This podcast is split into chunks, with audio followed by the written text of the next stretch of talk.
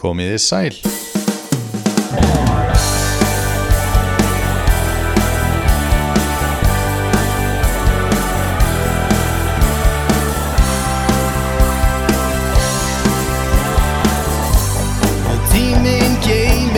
Í þessum þætti mun ég ræða við Steinar Gunnarsson en hann hefur lifað litrikri æfi svo ekki sem meira sagt.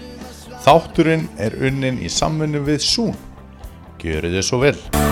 Og vona að ég hitti þig á næsta flugi, næsta flugi. Hitti þig á næsta flugi og ég segi þér minn hinstu leyndar Það er nú einu sinni þannig að, lífið mitt rekur mig alltaf á lögreglustöðar, maður er alveg upp að kíkja í heimsóð reglulega á löggustöð og nú er ég á lögreglustöðinni hérna í, í Skagafyrri, Steinar Gunnarsson, takk fyrir að fá mig í kaffi. Ég er bara verður velkomin. Og, þú, já, þú ert náttúrulega í heimsækja af en sem var minn mentor hérna Já, í gamla daga. Já, já. Já, Já, og svo lendir maður nú reglulega í kaffi á lögreglustöðinni á Fáskursfyrði líka, á móðu bróðu mínu, þannig að það er eins og það er, heyrðu, eh, mér langar eiginlega bara að taka af allan vafa um það hvort þetta viðtal fari í hundana og byrja á því. Það var uh, mikil raun bara núna á síðustu dögum í, hjá þér með, með, með hund sem að þú er búin að vera með. Þú er kannski bara Já. fæ að byrja og spurja þau út í, út í það. já það, það var einhver Facebook status hjá mig sem er randaði í, í bara alla helstu fjölmila og, og svona óvart sko það, var um þoka mín, gamla 14 ára gömul tík sem ég á Já, og sem að er nú búin að gangi gegnum eitt og annað í, í lífinu lögreglhundur -hmm. og Björgunum setja hundur líka stótti minn fór með henni gegnum það ferli en mjög farsæll farsæll vinnuhundur og lögreglhundur áleiklega áhugsanlega bara held ég Íslandsmet í, í, í, að finna fíknæmni já, já. það, það er skipta orðið tögum eða ekki 100 kíló Ok, En hérna, já við vorum, hún þóka náttúrulega bara orðin, já eldgömul, 14 ára og, en spræk svona til þess að gera, hún heyrnalög samt svona, ok, oftast, oftast nær. Já, og sér ekkert allt og vel en er spræk og hefur gaman að fara að labbitúra með mér og, og við vorum að labba hérna upp með gönguskars áni og það er svona svolítið, svolítið, já brattir, klettar og hamrar hérna við ána, við vorum að labba þar. Það álpast hún út á eina brúnina. Og, og bara hlunkast niður þar. Og það er 20 metra fall vilja vildu allavega þeir meina sem að vitið hafa á þessu, Ok. börgunum sveita fólks koðan að. Og þar lendur hún núni bara svona urð, gríta urð. Rúlar svo niður virðist vera og endar hann í flæðamálinu á henni. Og ég kemst ekki að henni þarna. Þannig að ég fer, ég fer henni vittlusum megin að niður skriðu þarna og, og það er heilur þannig ég kemst ekki alveg henni en sér svona í hana og sér að það er öndun mm. kveðurinn liftist en hún er algjörlega meðundulaus og algjörlega sko og ég, mér síndist bara höfuð verið illa farið það var blóð og já, það var svolítið söpulegt sko. Þannig að ég, það er ekkert símasamband að neyri þannig að ég rík upp og og ringi í, í dýralækni og, og svo björgunum sér líka til að áskafti bara aðstóð til að komast þarna niður almenna eins og koma dýralækninum. Því ég ætlaði bara, ég sá það fyrir mér að fara niður og, og stytta bara að linna þjáninga dýrsins bara. Og, og ætla að fá dýralæknum með mér með, með í það verkefni. Því að eh, maður ætla, já. Svo líður og býður og björgunarsveitin kemur og dýralæknum og við náum að komast þarna niður í gilið. Og erum svo svona lappa að tíkinu svona 2-3 metrum frá henni þá allt hínu bara rankar á við sér stendur upp svona og skaurar svo í áttina til okkar. Ah, ég er að ég er bara að sjá draug sko. þetta getur bara ekki staðið. Við horfum bara á hvort annað ég og dýrlæknum og þetta er ekki, það getur ekki staðist. Næ, en jú, jú, þetta var hann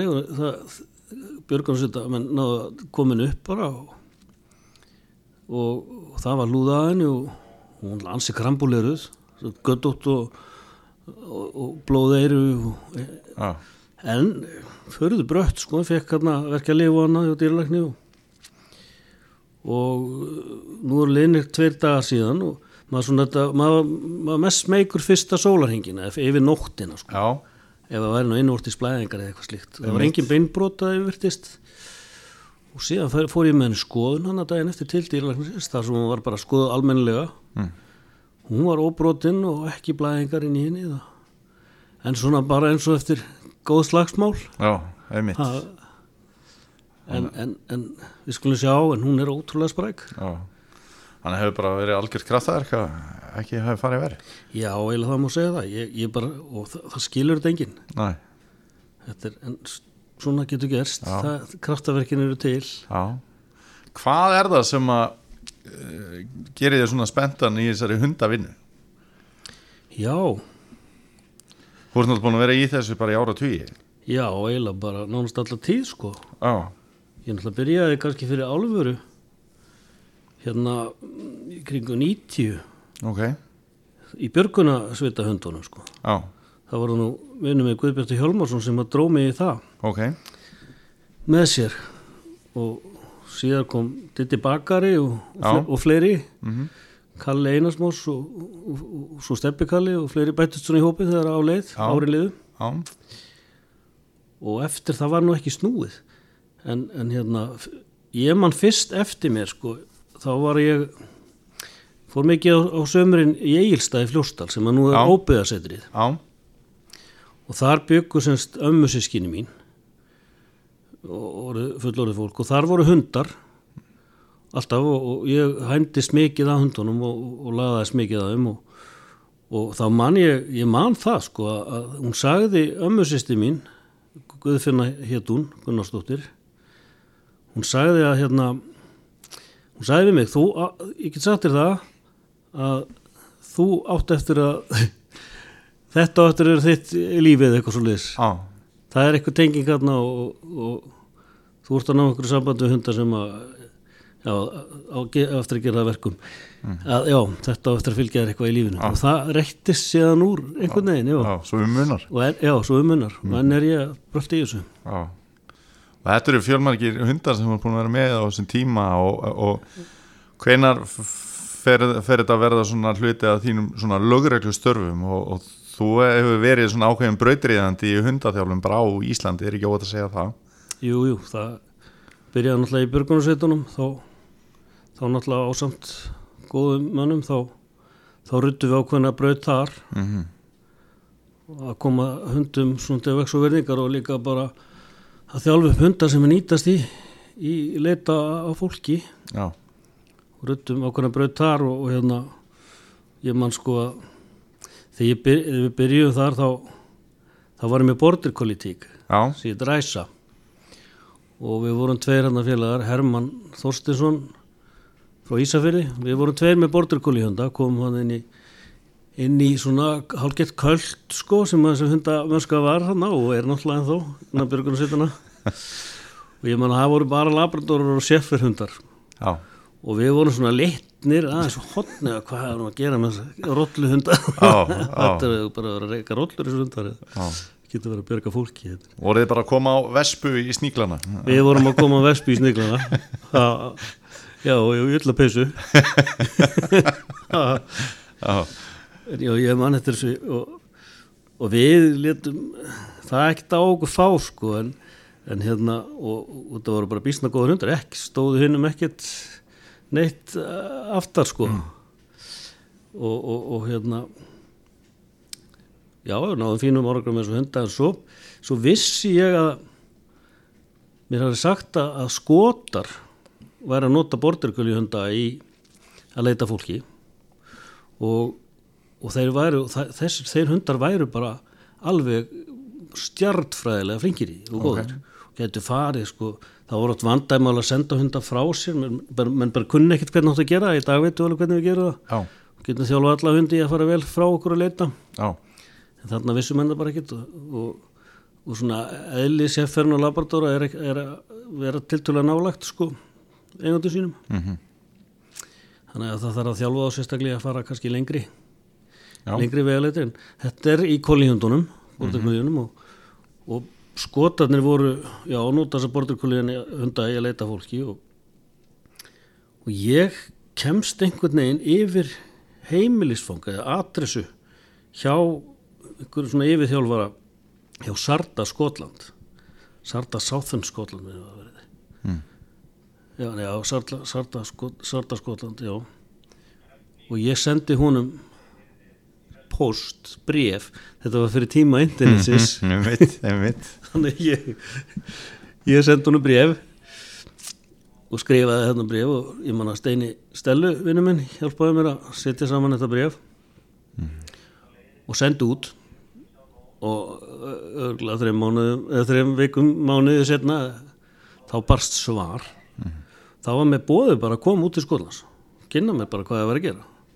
Og það verður síðan að ég fer út á samt Hermanni vinnu mínum sem var með hinn borderkól í hundin og þá sjáum við bara já, þetta passar alveg skotar er að nota borderkóli og nánast engungu ok, það var einn og einn eitthvað annað kynin, nánast engungu borderkóli já, og það var alveg satt, voru, þetta var alveg ótrúlega að sjá hvað hundarnir voru hæfir og, og, og, og, og getu miklir. Þannig að þá fór boltinn að rúlla og svona til að gera mjög langa sögu stutta þá eru held ég flesti björgunsetta hundar held ég á Íslandi í dag borderkóli já, já. og ég veit að það er stór allan að vara fyrir ekki svo löngu síðan stór hluta um út frá þeim hundur síðan sem ég átti og flutt inn. Já, þannig að þetta er svona svona gerast nú ha. en þetta var svona ástriða bara. Já, þetta var ástriða og, og, og hérna hjá okkur öllum og, og einhvern veginn bara við svona alltaf sáum árangurum mjög snemma hundarnir fóru að skila árangri. Mhm, og það eld okkur enn frekar í þessari baráttu og, síðan alltaf fer ég í lögregluna og, fljótlega byrja þar með lögreglund. Mhm, og þá fer ég semst þá gerist þannig að ég er, semst byrja með lögreglund og ég fer til Þorsteins Hraundal sem þá hann var í gamla daga lögreglumar á Norfinni ok, og var byrjað, var einn af þeim fyrstu sem byrjaði með hunda, að þjálfa lögreglunda á Íslandi. Já, svona, já, einn, af- einn af þeim einn af brautriðundum þar sko. Og ég fer þá er hann sest í lögreglunni Reykjavík og, og yfir hundaþjálfari og, og hérna ég fer til hans og og læriði býsna mikið að Þorstinni já, og síðar verður síðar einhvern veginn þróast að, að hérna að ég tek við þessu bara kepli af rauninni. Og þá er þetta eiginlega komið til ríkislörgstjóra já, þannig að ég verð starfsmaður ríkislörgstjóra já, og síðan þá um hundamál bara lauruglunar á Íslandi. Já, og, og hérna og þar fórum við bara þar eruðu svona náttúrulega kynnslóðabil og, og breytingar með því. Og við erum byggðum upp alveg nýtt kerfi í sam svona í að fyrirmynd norsku tollgæslunar ok, því að við við hérna við sáum að, að, að íslenski tóllunum var, var komið ansi sterka hunda og við, við vildum bara kynnast í hvað hvað hva, hva þeir fengu svo frábæra hunda og okkur verið svona góðir? Og þar kemst ég kemst ég í kynni við og við, við hérna mann sem heit Rolfon Krók og var yfir þjálfari norsku tóllgæslunar hundaþjálfari og hafði áður verið semst atvinnuhermaður og síðan hunda í norska hernum. Hann ég kynnist Rolf fyrir á ná- námskeiði á honum og, og læri svo hjá honum í framhaldi.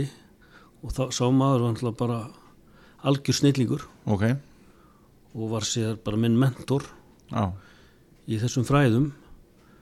Uh, ég hérna í framhald af því, já förum við að þjálfa hunda eftir þessu, þessu norska kerfi og, og árangurinn af því náttúrulega leynir sér ekkert og ég, ég er síðan sendur í, í nám á vegum ríkislörgstjóra til til uh, hundaskóla Metropolitan lögreglunar í, í London.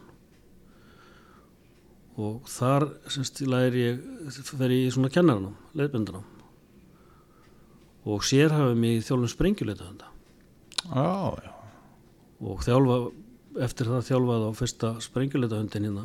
Já, e- ekki fyrsta, það hefur verið einhverjir áður allavega, mm. sprengjulöta hund. Fyrir íslensku lögregluna sem að hefur þá fyllt sérsveitinni. Já, og uh, síðan já, og ég er hérna verð þá yfir þjálfari lögreglunar og ég sendu líka í nám til Norex í hann er svona skapgerðar mat á hundum. Og svo eins hjá norsku tólkæslunni það sem ég læra alltaf þeirra kerfi þetta skapgera mat. Lendi það er einhver hundur sem á að þjálfa og þá bara að þessi er alltaf ruglaði til að geta verið já, já, er er bara, þetta er ekkit ósvipa bara hvað maður segja þessu sérsveitamenn sjálfur þurfa að fara í svona próf maður hefur heyrt það Já, já, og og fa, fa, fara, já, fara í ég veit ekki hvað þetta er kallað hjá okkur hvort það er einmitt, einmitt En þetta, er- þetta, já, já, það er bara verið að grenslast fyrir um hvað er að gerast í kollinum á viðkomandi og Já. það er eins með hundana. já, Þetta er ákveðið það, til dæmis ef hundur býtur, Mhm. þá viljum við vita, við viljum ekki að hundar býti fólk en það náttúrulega gerist. mhm, En í 90, yfir 90% tilfelli að hundur býtur fólk þá er það ekki hundurum að kenna. mhm, Þá er ekki fyrir hundurinn er grimmur. Það er yfirleitt bara varna viðbröð og svona reflex. En það eru síðan til grimmur hundar. mhm, En, en það, er, það er líka til vond fólk en já, já, það er í miklu, miklu, miklu min- minni blessunarlega Já, það eru undatekningarnar. akkurat Yfirleitt er eitthvað sem tryggar að það að einhver gerir eitthvað að sér. Mhm, Hvort þau eru hundar eða menn. var á einhverjum tímapunkti svona já, fólki þótti kjánalegt þegar ég byrja að mæta með þessar laurugluhunda og hefur þetta síðan sanna sig með tímanum eða var þetta alltaf bara svona fekk að njóta bara frá byrjun? Ég, meina, ég, ég, hitti það einhvern tíman á þjóðatíð þá varstu með, með hérna, hund þar og þú voru náttúrulega fælst Já, út um allt og tekið þátt í hinn og þessu og skipulagt eitt og annað þegar kemur að þessu, það var hann til fíknefnin og, og, ert, ert að segja þetta með sprengjuhunda og annað. Hefur þetta alltaf hefur þetta verið einhver baróta að, svona að sanna mikilvægi hundsins Já, þetta er bara góð spurning. Já, já og nei. Ég held sko, almenningur hefur alltaf haft mikinn skilning og, og, og fyrir þessu og, og, vill hafa þessi tæki. já, þetta eru, þetta eru enn, enn í dag er þetta svona öflugustu tækin til að leita af fíknefnum. Nef hundsins, það er ekki til komin ein- neitt verkfæri sem toppar nef hundsins þar. Næ, og mun hugsalega ekkert koma í okkar tíð sko.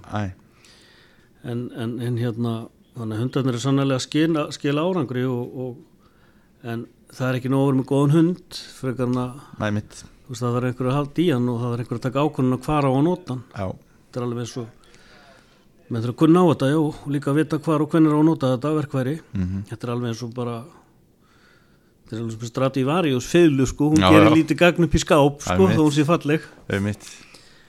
En, en hérna það er kannski verið frekar það frekar kannski vanta innan innan e, yfirstjórnar lögreglu skilning á þessu. Ok, hvers vegna veit ég ekki.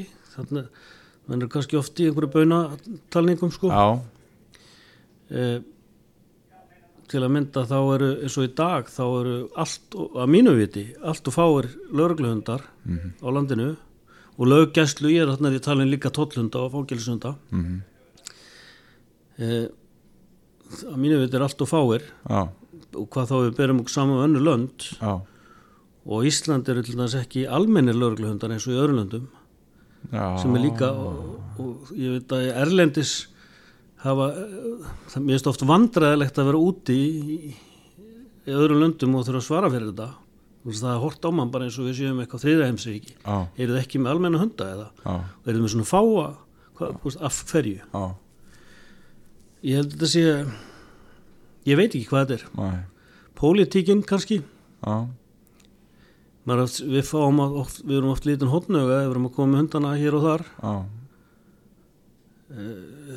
en, En er ekki líka bara settur allt og lítill peningur í löggæslu yfir höfu? jú, jú, Sama, yfir höfuð. En, en með þessi tæki sko og það sem er menn miskilast til dæmis þú séð mig á þjóðatíð og Mhm. öðrum útíðatíðum okkur eh, hundarnir þeir gera það að verkum fólk er að það, er, það fækkar neikvæðum afskiptum af fólki. Já, þeir sem er ekki með neitt á sér mhm, þeir fá bara frið. Mhm, í staðans að ef bara lauruglumennir ég er að pikka út einhverja bara þú veist, þá er hættan af því að þessum allir eru með eyrnalokka og síþærðir í já, og tattu er það þessu tegnir út úr ég, Einmitt. ég er ekki að segja það, ég er, ég er nú ekki að, ekki, ekki að saka kollega minn um einhver svona styrjótypu hérna, Ég meina, Hegðunin. bara fólk gerir það yfir höfu, já, svona við náttúrulega hugurinn er svo tamin, Já. augað er svo tamið. Já, þó að það hafi orðið mikil breyting á vissulega Já, og, og alltaf opnast einhvern veginn. Já, já, og líka bara mentun og færni lögreglumanna er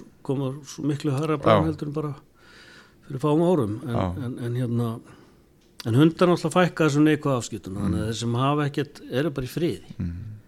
og hinnir sem eru með eitthvað þeir eru meiri líkur að þeir náist. Og, og þá er náttúrulega náttúrulega að tala um líka dílera og, og svona. Já. og svo líka að tala um svo, já, dílera. En ég, ég hef ekki oft tekið dílera sem eru með meira en neysluskamt á sér. Nei, mitt ég veit er um einhverja hólur einhver stað sko. og það kemur kannski, já mann mætti að hafa það í huga. Til þess verið að tala um lögleðingu eða afgleipa hvar, hvar stendur þú í því? Ef að ég má spyrja þú, mátt ekki bara Já. segja pass sko? Nei, nei, ég skal ekkert segja pass, ég skal bara segja mínu skoðuna ég, ég held að að eins og þetta er sett fram núna þá sé þetta bara nánast hríðuverk sko, Ok, ég vil bara segja það. Mhm, eh, hins vegar hins vegar fyndist mér að, að, að við, afgleipa væng, jú að einhverju leiti var þetta neyslu skamta á svona en ekki gefa á frjálsa. En til dæmis að að- mér er svolítið sorglegt að ungt fólk sem að verður á á lífsleginni fyrir að vera með gramma á sér mhm, fara á sakarskrá eða eitthvað við viljum það ekki. Æ, það má alveg skoða löggjöfina þar. Ég held að það sé afar brín á, En með afglæpavengu sem þetta er svolítið sett fram þá er þetta nánast lögleðing á, og, og í, í þessu frumvarpi þessu sem við erum að leggja fram Mm. þá er ekkert bara að tala um afglæpavengu, það er verið að tala um bara þetta er ekki bara, bara kannabisefni þetta er öll fíknefni, á, skulum ekki gleyma því. Og Nei. það er og þar, og þar ætlum við Íslandingar bara, bara að fara að riðja braut sem engin annar hefur farið. Þetta er, þetta er þekkt í öru löndum en mann hafi ekki tekið svona risa skref Æ, og ég, og eins og ég sagði það eins og ég treyka það, ég hef held ég mjög sjaldan tekið dílera bara á gödunni mhm, með annað en neysluskamta á, þannig að það þetta það líka skoðast bara með glerugum ég held að ef að þetta fyrir gegn sem að menn hafa verið að leggja fram með að tala um núna með að mæla með óbreytt þá verður ákaflega erfitt fyrir lauruglu að glíma við hennar málaflokk.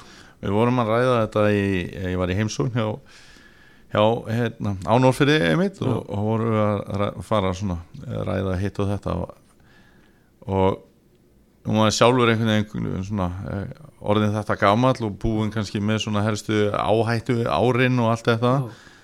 Og það var náttúrulega á einhverjum tímapunkti og spennandi að prófa að reyka síkaretur og einhvern tíma var spennandi að prófa að byrja að drekka og, og bara eins og er hjá ungu fólki. Já.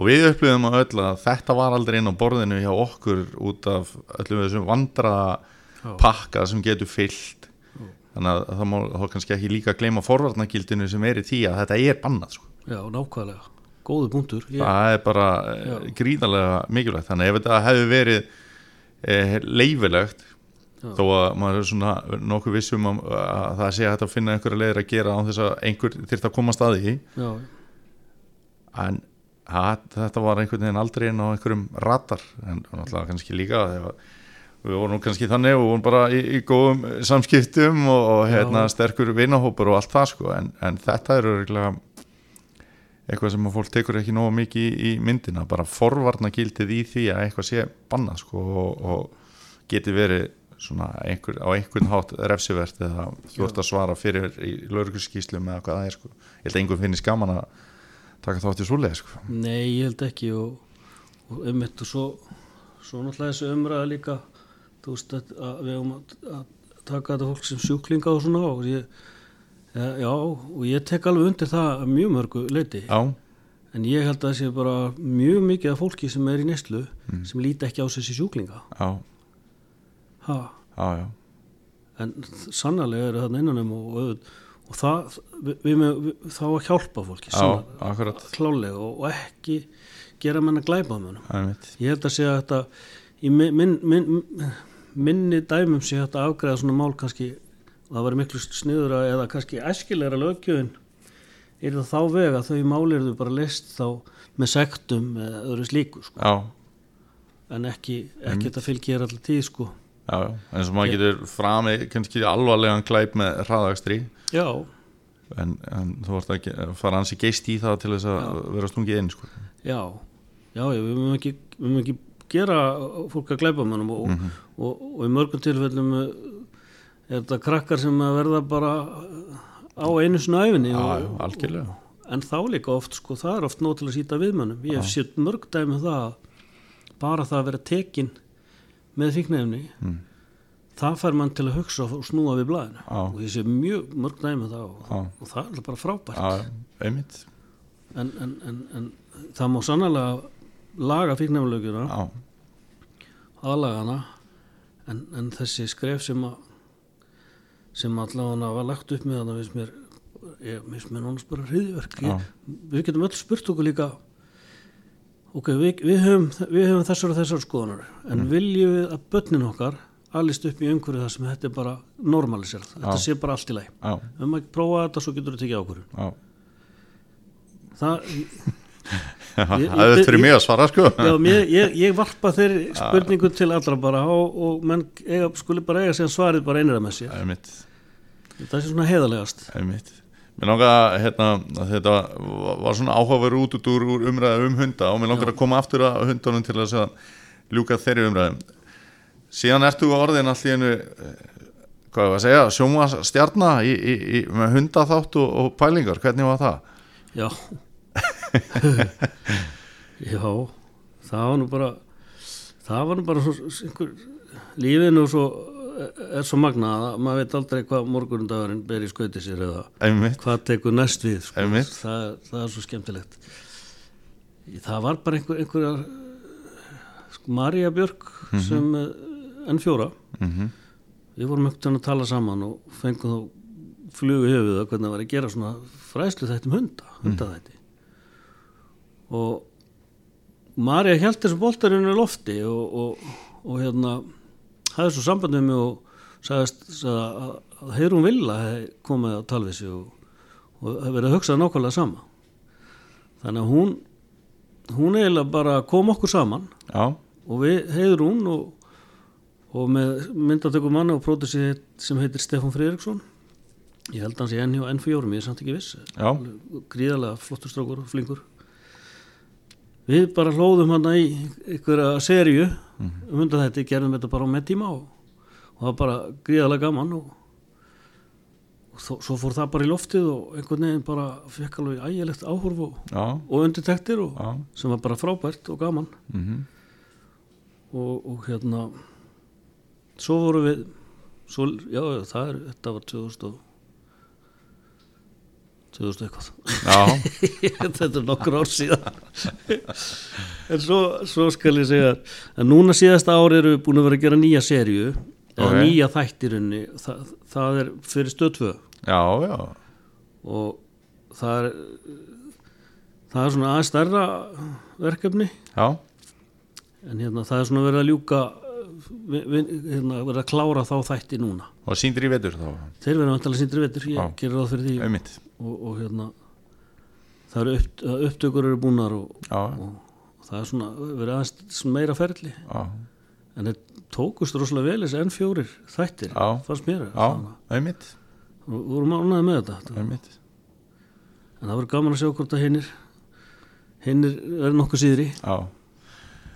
Marja er náttúrulega mjög nösk bara í Já. þessu sem hún er að gera er mikilvægt fyrir landsbyðina að eiga svona stöð sko. Þannig að- og sjaldan sem að dettur á einhverja þætti voru að fylgjast með hinn og þessu og, bara magnaði að sé hægt að halda út í svona stöð. Já, þegar landsbyrnur og það er nú oft tilnefingin hún gleymist svolítið í, einmitt.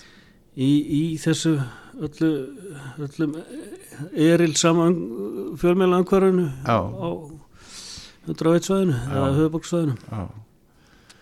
en eitt glemist ekki hjá mér og þér þó að við búum ekki þar og það er Norrfjörður Já, hvenar ferð þú að muna svona fyrst eftir þér á Norrfjörði Það er bara sér lítill pjakkur í starmýrinni. Já, og hvað er lítill pjakkur að brasa?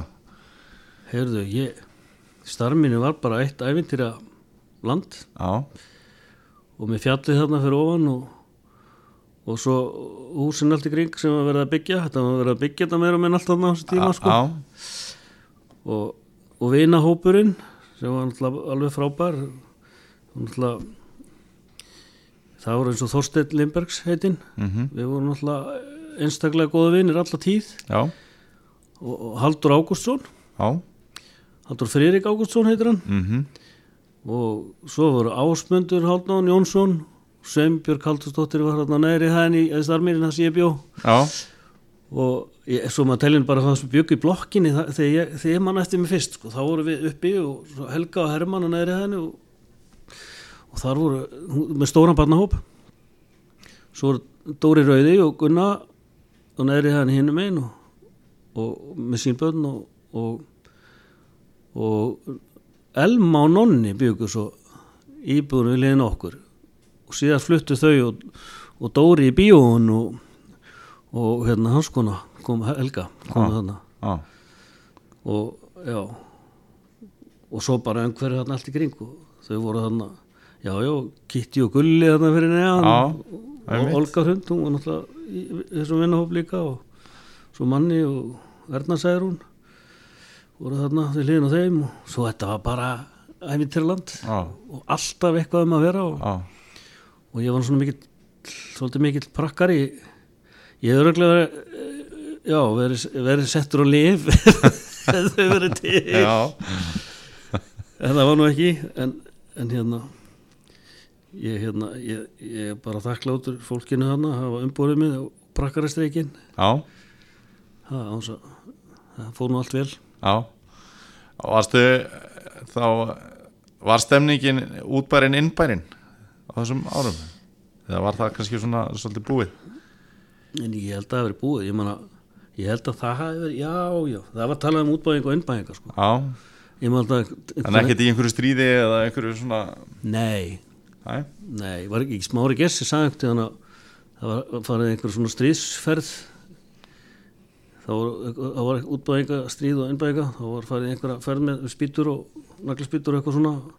Þá sungum en hérna, útbæðingar auðmingjar innbæðingar kábójar það var, slagurðið ég, eitthvað svona Já, já. smári leiðir til það bara já, Þetta er ránt eftir haft. Nei, það var ekki, ég er inni Ég held að það fari bara vel á með öllum. Já, En þetta var bara Sko hverfið náttúrulega var bara heimur Okkar sko. Og við og leikum okkur hérna bara út í náttúrunni Guðskræti náttúrunni og fjallinu og, og, og, og það var svona bara allt voðalega heilbrygt og Já. en þetta náttúrulega var á sérstökum tímum. Mm, þetta náttúrulega var ég veit nú ekkert hvernig hvernig hérna þú veist, Norrfjörður var að byggjast upp. Já, og það var, já, og það var, að, var að byggja hús út um allt og, og ég veit nú ekki hvernig það, var, það voru eitthvað verðbólgu skotana ætla, ætla, ég ætla ekki að fara í það en fólk hafði nú eitthvað á milli handana bæði og sko. Já, stundum ekki neitt. Síðan ég man eftir mig þegar snjóflóðunir þá, þá er ég fimm ára Já. bara lítill gutti, ég man eftir því því að ég stóð og ho- horfði á bílun að koma sjúkrabílun að koma á sjúkrahúsi fyrir neðan sko. og, og ég man að pappi rauk út ég man eftir því þegar pappi rauk út með skoblu Pópi og Þórður Þórðar og, og Dóri og fleiri það var rokið að stað bara innettir að móka í álaforsúlpunum Já. á einhverju stífilum já, og ég, ég man þetta eins og það er gæst í gæð sko. Mm, og þarna náttúrulega lendir bærin ég, ég, ég held sér óhætt að segja það bara fær tráma bara, það verður bara tráma, risa tráma já, og áfall mhm, sem að held ég hafi ekkit verið tekið á.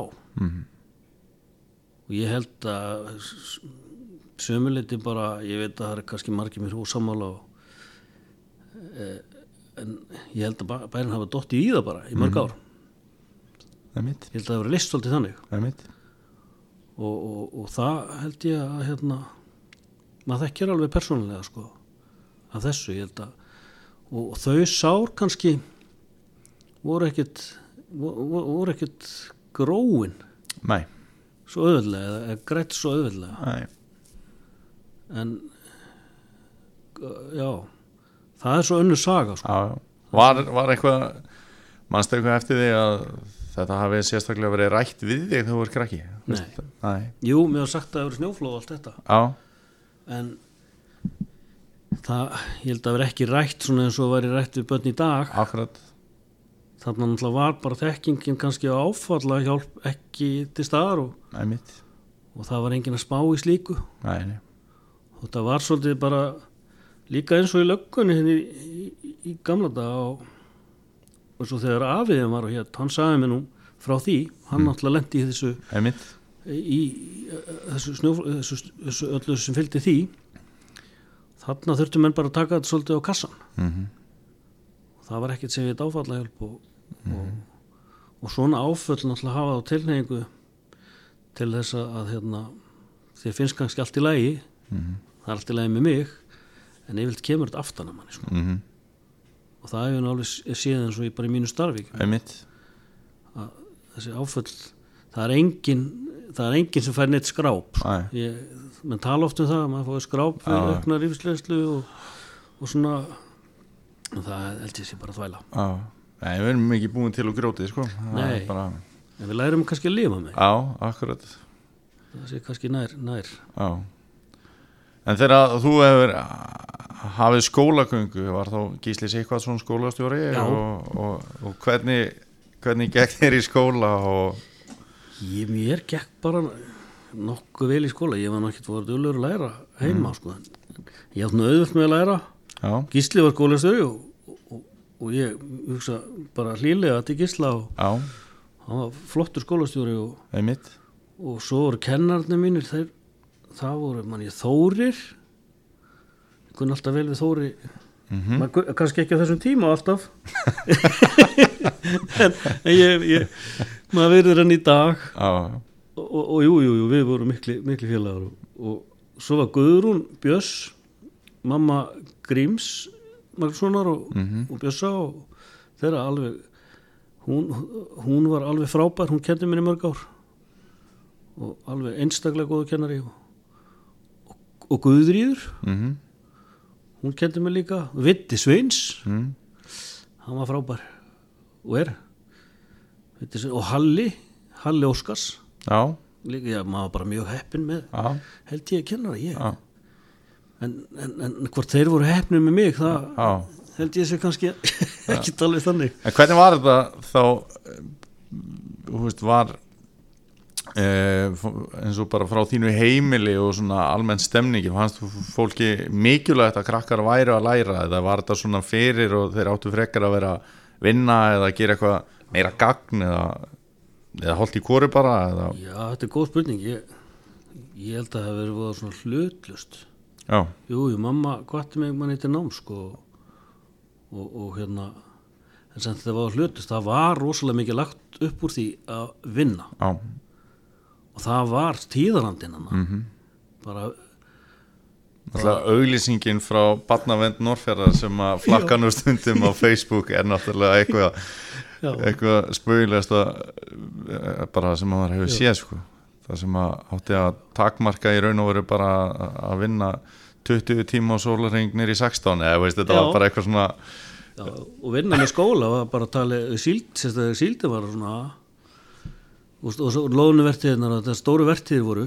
Já, haustinn sko, já, vetunar þá, þá bara átt allir að vinna. Já, og þeir sem ekki gerðu það var svona fengum pínu svona auðmikið stimpil þetta var, þetta var bara, já, þetta var einhvern veginn tíðarandinn sko, já, þú vinnur ekki þetta bara auðmingi mhm, þú ætti bara helst að vera múka í sig það og, og einhvern veginn held ég að þetta hafi litað okkar kynslu síðan. Já, og ég s- finn það alveg á sjálfum mér eins og ég voru lítið tólir eins og svo hvert mínum börnum og það er, það er þar, þar þurfti maður að taka á í rauninni og, að gera ekki alveg þessa kröfur.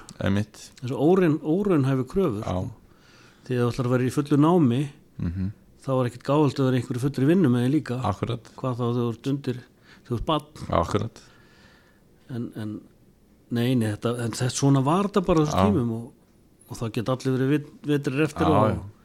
En, en ég menna þetta leiti allt gott af sér að mestu. Algjörlega og reglulega svona sumt í dag sem við varum til í að hafa úr Já. þessum tíðaranda og, og svo margt sem að mátti missa sín á móti. Já, ég, guðmengur, ég held að bara þessi margt sem að ég vildi fá tilbaka. Já, og ég myndi til þess vilja að börni mín hefði fengið að kynnast lífinu á þess að vera internet.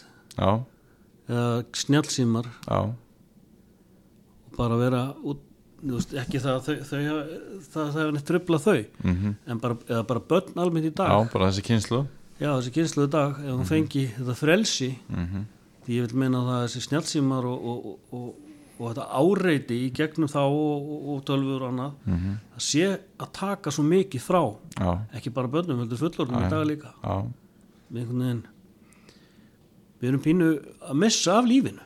Krakkar í dag lappa fiskabúri og, og byrja að setja vísifingurinn á glerið og færa til hliðar Áði því, hvað segir? Já, Jésús minn. já, Já, já, hugsaðu þér. já, Ég held bara ég eftir, vonaði eftir 20-30 ár þá horfum við tilbaka og við var hreistum hausin og þá tölum við um heyrði á krakkar fengur bara að vera með, já, með farsíman eða, eða í höndum og þessu nokkuð segði neitt og, og netið það var þetta komst bara inn á allt. Já, það algjörlega var engar hömlur og, einmitt og þetta er svona einhvern veginn Ég þetta sá- er svona viltavestrið. Sá bara eins og vinnuskóla hópum daginn sem að var í pásu. Og, og þá hérna nýttu allir pásuna til þess að kíkja svona á, á, á síman og örgulega ímest hvað þau voru að gera þar. Einhverju kannski eh, á einhverjum stað í einhverjum tölvuleik og aðrir að skoða Instagram og, og bara svona eins og gengur sko. Já. en ég meina þetta voru skemmtilegustu stundirna þegar maður var sjálfur í vinnuskóla það er að koma pásur og maður fór að ruggla í vinnu sínum og, og, og, og bara ræða tala um að maður var heppið með flokkstjóra sem var nú yfirleitt að þá var nú oft bara sögustund og, og svona Nákvæmlega. samskipti og hitt og þetta þannig að þetta er alveg svakalega mikill munur en ég held að því svo sem hafið ekkert eitthvað verð heldur en Nei, nei, nei. þarna alls, sko alls ekki þau, þau, þau já neini, öruglega ekki og þetta getur vel verið að sé bara einhver, einhver svona gamle kalla hérna, hugmyndafræði hjá manni. Ég, ég veit ekki en ég, ég var talandi með mitt snjálsímana sko, og, og túrista. Já, ég var tók, tók þetta einn dag með víði heppa vinnu mínum á Snæfellsnir, hann, er með, hann, hann reykur svona ok. hestaferðir, hestalegu og hest, hestaferðir svona á löngufjörur. Já. gríðarlega flottar ferðir og, og vinsælar af útlendingum og örgleislendingu líka. Og ég tók hérna einn dag með honum þar sem við vorum með hóp af þýskum túristum. Vorum að ríða niður löngufjörunar og það voru allir með síman á hestbæki sko, þar, á lofti sko og, og voru allir að skoða horfa á rauninni á umhverfið gegnum síma sitt sko. svo satt örn þannig á sillu. Og, og ég s- s- segi þeim hérna heyrðu sjáu þið örnin þannig sjáu þetta. Og það fyrir litur allir í kring og reyna að finna hann í gegnum síman já, svo tók bara örnin á loft bara þetta var stórkostleg sín bara nokkru metur frá okkur. Já, já, ég held að kannski einn náð svona einn, einn vang af örninum sko í gegnum síman en það sá hann enginn. Næ nákvæmlega sko. mann mistu svolítið það sem ég, segja, að segja sko við megum ekki missa af lífinu sko. Og bara tónleika upplifun akkurat, það er nú eitt. ha, hverjir horfa svo á vídeo algjörlega sko. Tala ekki um þegar að kemur einhver og eins og ég fór á tónleika í lögatarsöllum daginn með hérna, skönka Nancy. Já, og það var einhver kona hérna, tveimur sætaröðum fyrir ofan og, og, og var að taka þá og, og var alltaf með flassið á sko. Þannig að Þannig ég var bara honum sólbrútn eftir tónleikana sko. Þannig að þetta er neini, þetta er svo er þetta, nú, svo er jákvæðal hérna og líka svo rosalega margar sko, auðvitað, er- auðvitað er en maður neyist stolti til þess að því að maður er kannski, af því að maður er þessari kynslu Já, týna til hérna gallana við þetta en, en, en kostirnir held ég eru miklu fleiri þegar Einmitt. þegar allir eru á já, kvort já, auðvitað er það. Og bara kostinni sem fylgja því heimurinn og svona lítill sko. já, Herðu, úrlingur á Norrferi, er það sítt hár og mótorhjól og já, já, unglingur orfrið, það var nú eitthvað maður. Það er náttúrulega en það er náttúrulega og æskan var líka náttúrulega fótboltavöllurinn. Já, og fótboltinn, Mhm. það var náttúrulega bara resa stór hluti bara minn, minnum ungdámsárum já, malavöllurinn þá? Malavöllurinn og, og, og, og svo handbóltavöllurinn stefti þar við liðin á já, það var ekki gras fyrir en bara komið fullorðsár nei, en það var náttúrulega bara stórkostlegt sko, að fá að alast upp í því Já. og með öllum þjálfurunum sem við hefum alveg og, og, og, og, bara hæfileika fótboltamönnum sem voru þannig innanum og er, er að gera það gott í dag maður ekki hverju það var stórkostlegt að fá alast upp í því. Og, ung, og unglingsárin náttúrulega byrja það líka. Já. Það er fótboltinn, maður lifði fyrir fótboltan Varstu mikið í fótbolta? og já, bara, ég var bara að hafa mitt líf bara alveg yngri flokkarnir upp úr og já, svo svo náttúrulega verður maður kynþróska og, og hormónið fara að stað og, og Rocky Reykjavík kemur út. Já. Þá er ekki að snúi þá var ekki eftir snúið. Æ, þá eru svona strömmkvörf já, þá eru strömmkvörf í, í mínu lífi og, og hérna og við stofnum hennar hljónsveit mm -hmm. Súelen sem já, sem var sem var skýr Súelen, þá var Dallas þættirnir alltaf á já, og þeir, Dallas, það horfðu allir á Dallas. Já, og umræðunar dag, daginn eftir Dallas-þættina umræðunar öllum kaffesnóðum þú veist, það var ekki símandi eins og segir þetta var að tala um hvað var að gera til sjóvarpinu já, það var um Dallas sko. Hvað var Jóð er að hugsa hvað djöfusins óþverjir maðurinn? Já, og myndi gera þetta og Cliff Barnes og allt þetta maður eins og þetta fólk verið bara raunverulegt. Já, já, og þannig að þegar var að reyna að finna nafn á hljómsveitina þá var það bara þá vorum manni við vorum upp í hérna upp í gamla íþróttúsi og það voru ég Átni Víður og Gummi Gísla og, og Jón Benjamin líka. Og hvort að Stein Limma var líka. Ég, man, ég man ekki allan þetta var eitthvað, á okkur bjökunum og það verið að reyna að finna hvað bandið heita. Ég, Jóðer. Nei Cliff Barnes kom ekki til greina og alls ekki Ray Krebs, hann var svona alltaf hálfgerður auðmiki Pamela? Já, nei, Sue Ellen sagði Árni við og hérna, það var síðan úr. Það, það vann. Og síðan svona þegar að svo, þegar við erum eldri þá svona hálf fannst þessi skýrskotin í Dallas var hann ekkert nú og það sexy. Nei, þannig að en við höfum alltaf sú sko en ekki sú e já, já, þannig að við fórum að reyna að búa til einhverju sögufalsanir og því hvernig þetta nafn var orðið til sko. Já, en það er bara þvæla þetta na- na- svona var þetta til. Já, já, þetta er bara. Dallas já, og ég menna sama hver sagan hefði orðið, enginn hefði trúið eitthvað nei, sko. nei, nei, það trúðu okkur enginn þetta var bara kjánalegt kjánalegt yfirklór. En nei, nei, við En eru, eru þið þá að svona rokka eða pöngast fyrst þá, og nefnir hérna rokki Reykjavík og það er alltaf uh, bara viðtalin sem er tekið við purkpilning hérna í, í því að maður þurfa ekki að vera góður og gítar til þess að vera í hljómsveit og þetta gefur öllum ákveðna vonum að bara geta já, þetta var bara breakthrough bara pöngið. Pöngið sem náttúrulega byrjar í Bretlandi. Á, Klass, Sex Pistols Mhm. Ramones og allt já, einmitt. Þetta var, þetta var bara breakthrough þetta var bara, þetta breytti öllu.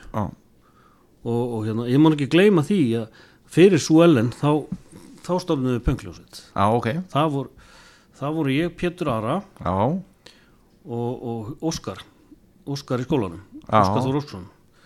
Og hérna og Steinilima ok. Við gerðum pöngljósitt og síðan kom inn í hann að steppi P á gítar. Á, svo hljómsveit hétt Spiss.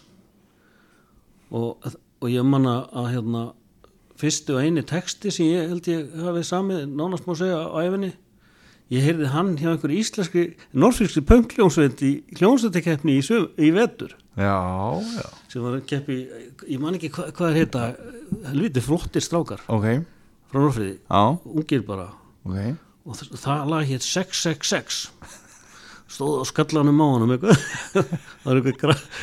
Þá varum við alltaf að hlusta á Iron Maiden. Já, já, já, já, við skildum náttúrulega ekki texta nema 666 Nei. svo bjómaði til einhverja þvælu þarna. Já, en það er gott, það lifir, það lifir það er gaman að sjá að það lif, lag lifir góðu lífi. Já, þá voru það ég, ég Pétur Óskar og, og Óskar þetta, Óskar kaupi trommusett af Jóhanningir já, það byrjar rauninni því, hann var fyrst þessi augnaði sljófari já, nei, hvort er Pétur sem getur trommusett og Óskar kaupi gítamagnar og gítar. Já að ég man ekki hvernig, maður er svo skemmtur maður, ég man ekki hvernig það var. Við, Þetta var líka ekki alveg í fyrra dag sko. Nei, þetta var ekki fyrir þetta En ég man að ég nota gítar hann á tímabili sem bassa því við kunnum náttúrulega ekkert spila. Nei, og við æfðum síðan upp í Starmýri þar sem þú ert nú uppalinn. Starmýri Nei, nei, hérna Blómstöðlu 37 já, einmitt Æfðum þar. Einmitt, Það var fyrsta æfing- æfingaplásið minni mig eða allan æfðum þar um tíma og og, og þá, þá, já, þá var ég nú að koma með bassa. Og þá var Pétur að syngja og, og textarnir voru bara um lífið á Norrfirði og, já, og merkið djöfulsi sem það líka. Og ég, ég veit sko við kunnum náttúrulega við bara við bara höfumust eitthvað misþyrndum hljóð, hljóðfærum hérna eitthvað og Já. Pétur söngan náttúrulega bara með sinni englarödd og ég man að mamma og pappi þau lístu hérna, þau lá, voru á hurðinni þau voru að æfa og þau sko, þau lágu bara inn í gólfið, þau hlógu svo mikið sko. Og táruðust bara. Þetta hefur verið skröldlít við spiliðum svo í Allavík 82 1982 það Þetta spissband? Spiss, já, Já, í hljónsættikefni og þar var þar var verið að taka upp myndina með allt úr heinu já, stuðmenn og ég man að okkur þótti mikið til koma að Jakob Fríman, hann var að rósa okkur. Já, og ég man að ég fekk ég, já, ég fekk leifi til að fara þarna, ég var, ég var bara 13 ára held ég. Og fekk leifi til að fara og spila þarna. Um um pappa voru, já, þetta var bara þetta var hansi skröðlegt Jakob Fríman þarna, hann er bara eh, risi í íslenski tónlist. Já, þetta var bara, þið gáttu ekkert fengið rós frá einhverjum nei, þetta var bara eins og fá bara Rós og Elvis sko, við upplifum þannig og, og, og hérna þetta var alveg stórkostlegt sko, og upplifum fyrir okkur pjakkana. Hvernig gekk í kenninni? já, við, við fórum í gegnum þetta einhvern veginn. Já. við fórum ekkert í úslit held ég sko. Nei, nei, nei Við komumst í gegnum þetta og við vorum, við vorum, ég held að við höfum örgulega verið mesta punkbandið og frumlegasti, ég held að við Já. átt að fullir það. Já, það er svona með við mennina með þér í þessu þá, ég, þetta er ekki huga rengjaði sko. Nei, ég man, ég man að við höfum farið, sko, það var eitthvað, eitthvað svona loppumarkaðar á, á, á Norrfyrði í barnaskólanum sem var að selja svona, svona genbrúkt eitthvað svona eh, föt, sko, bara notuð. Já, og, og hérna við Óskar kefti sér hérna leður kápu, ljósbrúna leður kápu sko, það var ekki frækið það var hvernig skápa, það var allir ná, náðalinn eru öllum og einhverja förðulegustu skó sem ég sé á æfinni og hann var í þeim og Pétur, ég kefti eitthvað vesti svo hefði ég gefið Pétri það var svona eitthvað vesti og, og ég man sko þegar vorum að spila í hljónstakefni þá var Pétur hann eins og hún sem vonu að vísa um allt svið en hann var með rækjusamlokku bakina það einhver klínt rækjusamlokku á bakina á honum en já, já, þetta var alveg stórkostlegt sko. Já.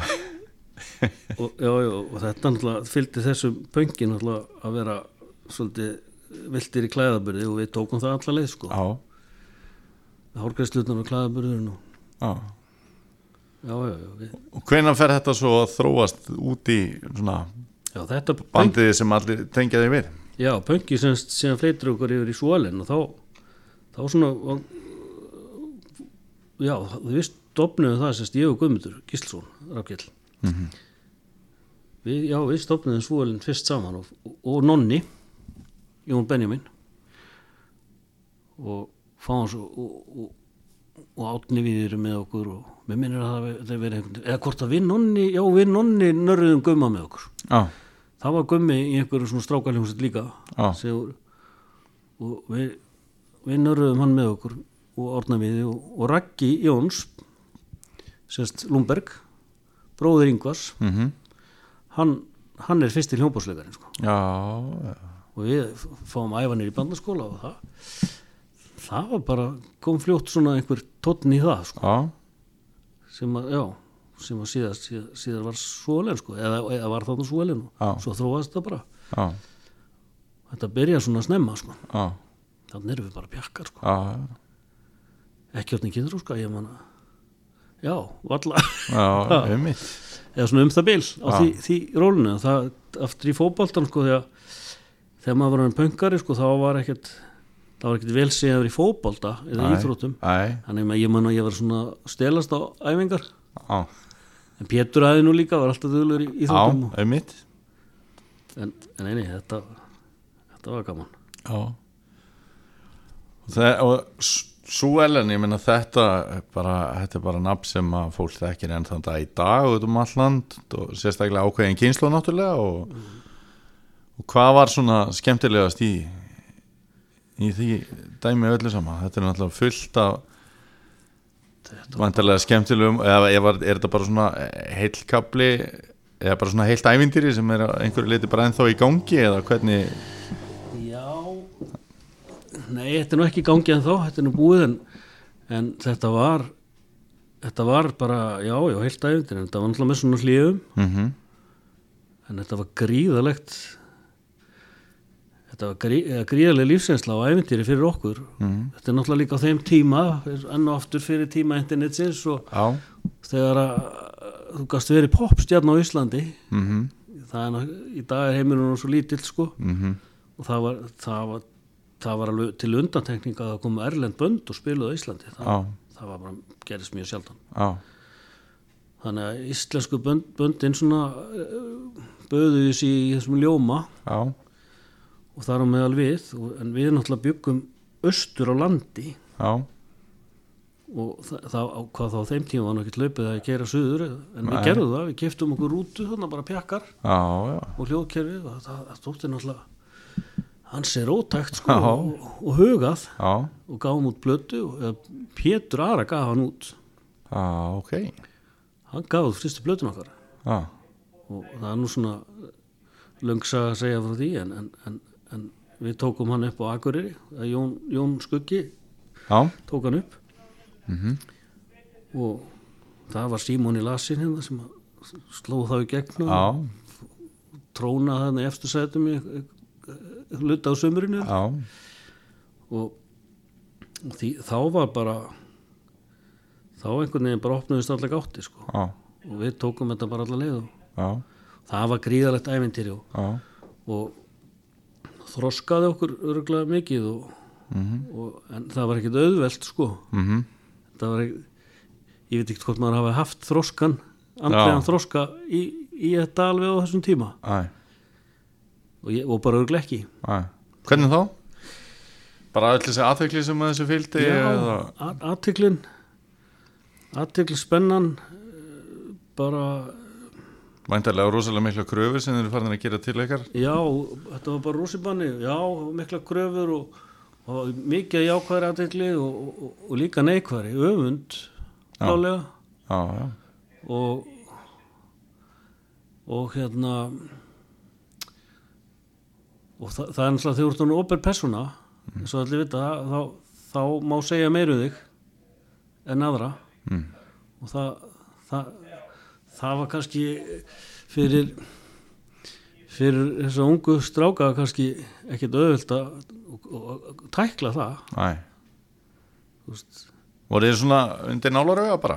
já, já, já, algjörlega. Já, ég, man, ég held að við erum tekið fyrir að bæjastjórnafund á Norrfyrði já, ég held það eða, eða allan það var rætt menn, menn leiðir þetta með og bara þetta vittlis að, að þá gekk svo saga að við verðum að selja fíknefni út úr tónabæ. Við hefðum í tónabæ. já, og ef eitthvað var þá, þá vorum við bara mjög mikið á móti fíknefni og alls ekki þar sko. en, en, en drukkuðu bara þeim meira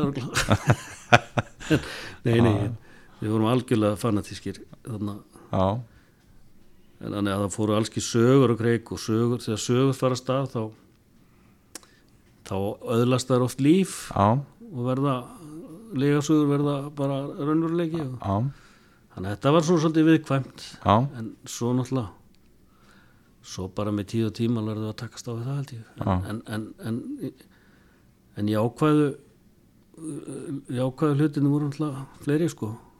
Það er náttúrulega að sjá á YouTube bara hérna, upptöku úr á tali með Hemma Gunn þegar að Gummi er með lokkin og þeir eru að spila Elísa í náttúrulega bara á stæðsta sviði sem var náttúrulega bara til á Íslandi sem er þessi þáttur ég já, og, var, og mér skilst að það sé ekki eina skipti sem þið fóru í þann þátt.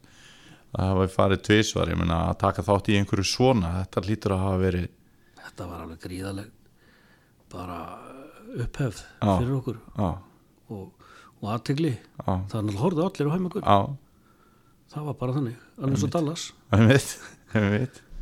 Og það, já, það var alveg þetta, þetta var alveg frábært og, og þetta ég ekki vilja missa á þessum tíma og líka bara það sem kannski eftir situr það sem eftir situr er náttúrulega bara eh, vinskapurinn. Á, og svona setni tíð náttúrulega var þetta bara þannig þetta var bara svona saumaklúbur kalla, kalla klúbur og sem að náttúrulega fórum í gegnum stærsta hlutan lífinu saman. Á sem vinnir og, og félagar og, mhm, og sköpuðum saman músík og, mhm, og svona já, það er það sem að kannski er dýrmætast þegar öll eru bótni Já. Og þeir sem að eru svona í þessari hljómsveit lengst um að því að þú er búin að tala um svona þegar þetta er alltaf verða til og, og, og einhverjum finnst það óbygglega vanta inn nöfn með og hvernig þið Já. þekkja síðan svo erlen setna meira. En hverjir eru þetta þá svona sem eru mest saman? Sem eru lengst af? Já, það er náttúrulega, það er ég og Guðmundur og, og hérna Jóhann Geir og Yngvar Lundberg. Og svo eru svona náttúrulega s- tímabilið að fram til held í 1987 bara átta eitthvað sliðist þá, þá voru við með ímsa gítalega Tómas Tómasson var tímabundið Ármann Einarsson var með okkur líka og Jón Benjamin og svo kom Guðmundur Höskuldsson á tíðanbili og, og, og fleiri, fleiri gestir svona dutt, duttu enn en, en þetta er síðan þessi kjarni Já. sem hefur síðan haldist bara óbreyttur sem ég nefndi hérna. Og, og hérna og því verður ekkert, ekkert breytt. Næ, já, einmitt. Ha. Nákvæmlega, þannig að e, þetta er náttúrulega bara það langstæsta sem að hefur komið frá Norrferi með, sem hljómsveit. Og hvernig var ekkit erfitt að vera svona landstektur síðan gafkvart sveitungum sínum eða? Nei, við vorum bara við voru Nei. bara dáða drengir. Jú, jú, e- já, já, nei, nei, nei, nei við, við varum bara svo hver annar þarna. Einmitt, já, og, og við náttúrulega unnum á netagerðinni. Já, hans frisa og, og hérna og við mættum þar alltaf gríðalegum skilningi. Þá Tryggvi Ulmundar já, Pabbi Bjarna var þarna verðstjörg og lengst af og, og netagerðinni lærði maður að vinna. Já, bara segja alveg sér, það er bara það er bara, er bara þannig. Já, þar voru Jónsi Halla Bjarna, algjör snillingur. Já, harduglugur jaksl þessi kallar kendu okkur bara að vinna. Og síðan þegar við fórum í músíkina þá fengum við rosalegt svigrum já, til að sinna þessari ástriðu okkar tónlistinni. Og, og hérna þannig að við unnum alltaf fulla vinnu. Við fórum aldrei það að vera bara fulltime atvinnum í spilamennsku Nei, sem nei. mörg önnur bönd gerðu. Já, við vorum alltaf, unnum alltaf með svo við náttúrulega vorum aldrei fyrir það eins og réttum á já, þú vinnur ekki, þú erum bara þannig, en við gerum það og, og, og hérna þannig að neta gerum maður svona hlýjan hug þangað. Já, öruglega oft verið jask bara í gegnum tíðina þegar þú myndist líka á fótbolta og veist, ég, ég þekki það þegar hérna, fótboltamenn eru að reyna að leita sér að vinna með þessu að það er svona misjafn skilningurinn á fjárveru og hefur potið verið í gegnum tíðina með tónlistamenn líka. Já, þannig að þetta hefur verið mikil kvartning að eiga svona skilningu heldur betur og, og náttúrulega bara gera það kannski verkum að við endumst svona lengi. Mm eða endumst kannski gegnum þennan þetta tímabil þarna stærsta. Eða þetta voru nú, já nokkur tímabil. Það er svona þegar maður ræðir við hérna, mér eldri og er að forvitnast um svona lífið á Norrfyrði þá er já, ég kem alltaf aftur að því að að hafa um, ég hefði viljað upplifa að, að vera svona þáttangandi í einu húsi sem hún myndist á áðan, það er tónabær. Hverslega staður var þetta? Og, og, mikilvægi hans bara í að að menn gáttu æftið að komið fram eða hvernig getur þú sagt okkur aðeins frá tónabæ? Það er nú bara það sem að ég er að já, tónabær Þannig að fyrir að fyrsta, hann stóð bara þar sem að samkaup er í dag á Norrferi eða einhver staðar svona, já, hann stóð hérna eða kannski mitt á milli húsana hann var bara. beint fyrir neðan húsi í Ólatann Já, beint Mhm. fyrir neðan húsi í Ólatann, þar stóð tónabær. Já, og það var semst vöru ágræslega á neðri hæðinni Mhm. og hluti efri hæðinni minni með allan einhver lagar eitthvað, svo var þarna svo skal ég segja, var þarna austurendin e- efri, þar var æfingásnæði já, fyrir ljónsveitir og, og við hefðum hann Súalen og, og fleiri sem vildu. Og bærin bara fjármagnaði þetta. Já, já, það var aldrei nýtt og það má náttúrulega Norrfjörur eiga að það hefur alltaf verið búið til sveigrum allan svona setni árein á, á þessum tíma fyrir tónlistamenn einhver sem höfðu aðstöð til að geta eftir já, og, svona, og setni tíma bara svona verið frekar kynnt undir það með þess að keft hljóðfæri sko. Já, og, og, og, eins og núna ég held að séu bara, bara og þegar blúskjallarinn var hér já, einmitt, aðstæða með hljóðfærum öllu þetta Einmitt. var alveg ótrúlega flott sko. einmitt, en þannig náttúrulega keftu okkar hljóðfæri sjálfur mhm, en tónum bara verð svona og félagsmyndstöð og þarna þú veist, það var svo, hérna, sofasettur svona og, þannig að það voru partí líka. Já, þetta var bara okkar annað heimili. Já, og í gamla dag var þetta kaffjús held ég síldarárunum. Já, já, já Þannig ég, hann, hann, hann er búin að þjóna varskona tilgangi Já. þjóna, tónabær. Já, og meina var fólk mikið að droppa þarna bara við og forvitnast hverju var að æfa eða, Já, já, menn droppuðu bara um helgar og svona fólk og það voru mikið að krakkar bara voru á röltinu og svona. Já. menn duttu bara inn og, já, og duttu inn í partíið þess vegna og já, svo var, og líka rosalega mikið um það sko á þessum árum, það voru margir sem voru að spila á Norfriði, margir sem kunna að spila og, og af mörgum kynslu sér það var, það var okkar kynslu svo þar áður eins og Pétur hérna Hallgríms og Amon Ra kynsluðin og allt þetta og, og fleiri til, það voru fullt af fólki og svo komu svona, já, voru ymsir svona aðkomu fuglararna líka einhvern veginn náðu menn að tengja sér saman og stunduðu bara ákveði herðu, við ekki að hittast og djamma var, það kall, þá hittust menn bara með hljóðfærið og, og spiluðu bara, blúsuðu, bara einbúruðu sér bara heil kvöldstund kannski. Það gæti verið hver sem er sko. Já, og það svo, það er svo skemmtilegt ég, ég veit ekki hvort það týðkast já, einmitt, það var bara, já, bara sér það já, það var kannski heilt kvöld í það, engin sagði neitt þetta var bara að spila. Já, þannig, þannig læriði maður líka svakalega á þessum, þessum sessjónum sko. einmitt. Og svo kannski varð úr einhverju svona eh, ef við sittum inn að gæsa lappa bulli a- að Já. hittast og gera þetta bara Símón er lasin eða hvað það er skilur það verður eitthvað svona grunnur að einhverju sem Já. verður síðan setna með lag og, já, já, oft, oft var það þannig já, þessi og sólinn, það var að byrja að djama eitthvað og síðan, já, úr því var síðan eitthvað einhver kveikja lægi já, og, og ég held að margir gerir þetta þannig sko. held, ég held það sko. Það kemur einn með einhvern frasa og svo kemur annar spilarinn í það og svo verður eitthvað til. já. Það var hérna eh, ég hef nú ekki tölaði hvað ég hef oft séð Súelen og alltaf þótt jafn gaman og, og síðasta skipti var þegar voru hérna á græna hattinum það er kannski svona 2,5 ár síðan eða eitthvað svo leis það var hérna virkilega skemmtilegt en, en mjög aðteglisvert gegn hjá ykkur það sem að ég held að ég hef aldrei séð ykkur og bara jafnvel marga aðra ná salnum svona rosalega vel. Það varði einhver tónleikagaldur þegar þið spiluð á bræðslunni hérna 2014 eitthvað svo leiðis já, það var geggjað. Það var rosalega gaman það var alveg geggjað. Það er mjög svona e, sérstakir tónleikar saman hver er að spila náttúrulega bara út af húsnæðinu og, og stemningunni sem er búin til.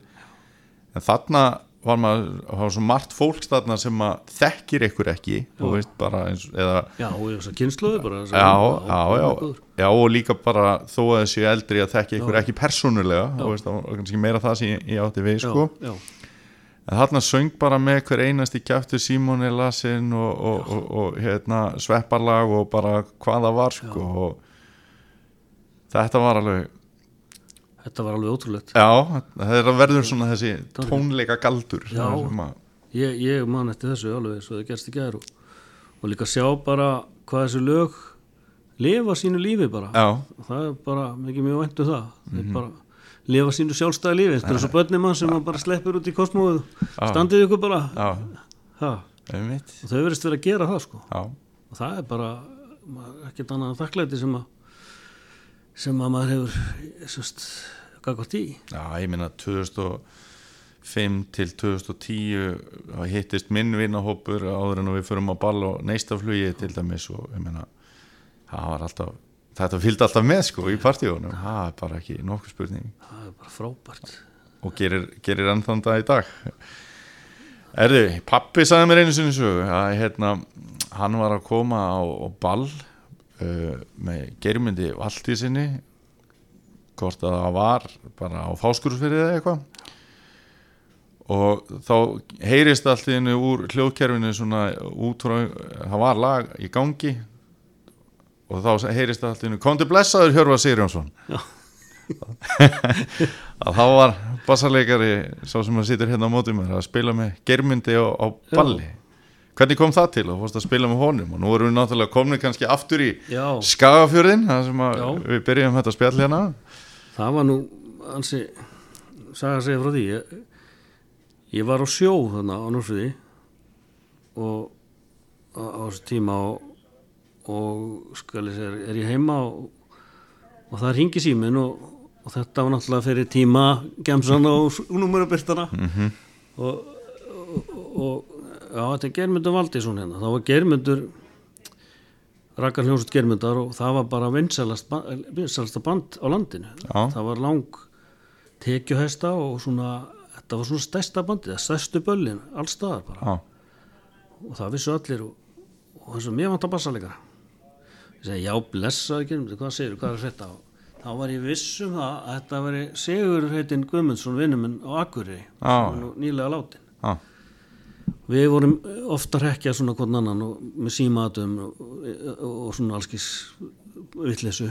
Já, og ég gekk út frá því bara meiri hlutan af samtalinu þetta að vera sigur svo ætlaði ég bara að fara að kveðja. Þá allt í einu svona að segja, kannski er þetta ekki siggi?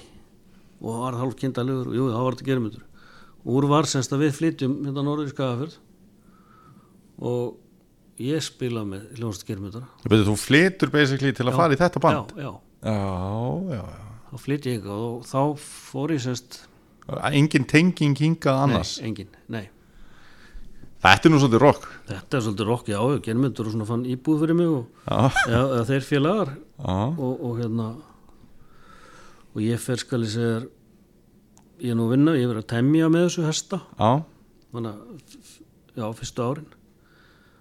Og þetta, þetta var nánast full vinna það band, sko, það var allar helgar á árinu með einn, ok það var helgin eftir Vestló og alltaf tvær, tveir dagar, sko. Já, mjög störu lögadagur og ef við veturum voru það oft skólaböll líka sko, í miðri viku en það var gríðarlega gríðarlega mikil spila mörska, sko. já. Og þetta voru þryggja ára tíðanbil og bara alveg, alveg, út í ett og þetta var ofsalega gaman að upplifa þetta. Þetta voru þetta náttúrulega böll á þessum þetta voru svo stór böll ég manna þetta er búið í dag þessi sveitaböll þetta er svona þetta er ekki mikið eftir að, orðið eftir að þessu. Nei, ég man bara það. Ég, gerði, ég held alltaf dagbók. Og ef maður er að skoða dagbækunar þá, mér fannst það voru lélegt föstudagskvöld eða voru 400 manns. Já, ok. Það var lélegt sko. Já, þú vildir hafa 500-600 og, og kannski 8 til 800 til 1000 manns á lögutu ha, Og ég meina þegar þú veintilega spila bara út um allan út um allt land og öllu svona stærst upp og kom alltaf og, og, og, en það sem náttúrulega gerði, gerði það líka að germundur laðaði að allar kynsluður sko. Þú veist það voru þær komuð þetta saman sko, Já. eldri og yngri. Þannig að sumbönd kannski höfða til ákveðins hóps.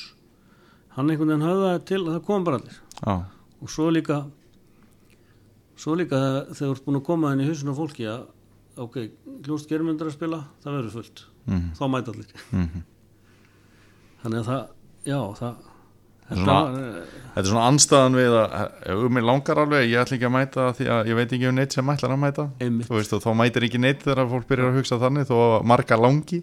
Akkurat, þetta er anstæða við það. Já, þannig að þarna vissi allir að allir allir að mæta og þú vildir ekki missa af þessu. Já, alls ekki. En þetta var eh, mjög hérna mikil og góð lífsreynsla sko. En þetta var bara bjúin að vinna. Ég hef mikið áhuga á svona félagsheimilum og, og bara svona þessum húsum. Hvaða staðir svona koma fljótt upp í kollin sem hafa skemmtilegast að spila í? Aratunga.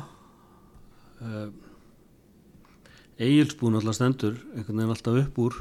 Já, held ég samt ekki bara hjá mér, ég ég nei, ég hef nefnilega mörgum, bara eins og hefur maður oft lent á spjalli við bara meðlum úr þessum aldamótaböndum. Já, og það bara með þessi hús þarna fyrir austan að Egilsbú er bara þetta dyrka þetta hús. Sviðin alltaf skemmtilega stórt og salurinn svona skemmtilegu náttúrulega bara eins og hann er. Og, svona stemmingshús sko. já, alveg veist. það eru svo bara mörg þessi litlu félagsheimili sko, sem að bara, ég man það er eitthvað lengst inn í Bárðardal þar var hann gaman að spila bönnum já, ég man ekki hvað heitir. Nei. Man alltaf, já og svo við spiluðum náttúrulega held ég á öllum stöðum á landinu já, þannig og, og svo, líka þú skoða þessi félagsheimili sömur eru byggðu bara eftir sömu tegningunni já, já, aðeins smá var Já, ég að og, en, en já, þó að fólk eh, viti kannski ekki endilega hvaða hús það er nákvæmlega með allt úr heinu myndinni þá samt allir komið í það þó að sé ekki Já. sama húsi sko. Hárið það, það er bara þannig. Sindrabær, það var gaman að spila þar. Já, já, og náttúrulega, og Valhöll Öskifiri já. hjá Dóra, mm, stórvinn okkar sko. Það var mjög gaman maður. Og svo þessi staði fyrir austan líka. Já, allir fórskursfjörður, já, það var spilaðu bakka fyrir einhvern manni. Já.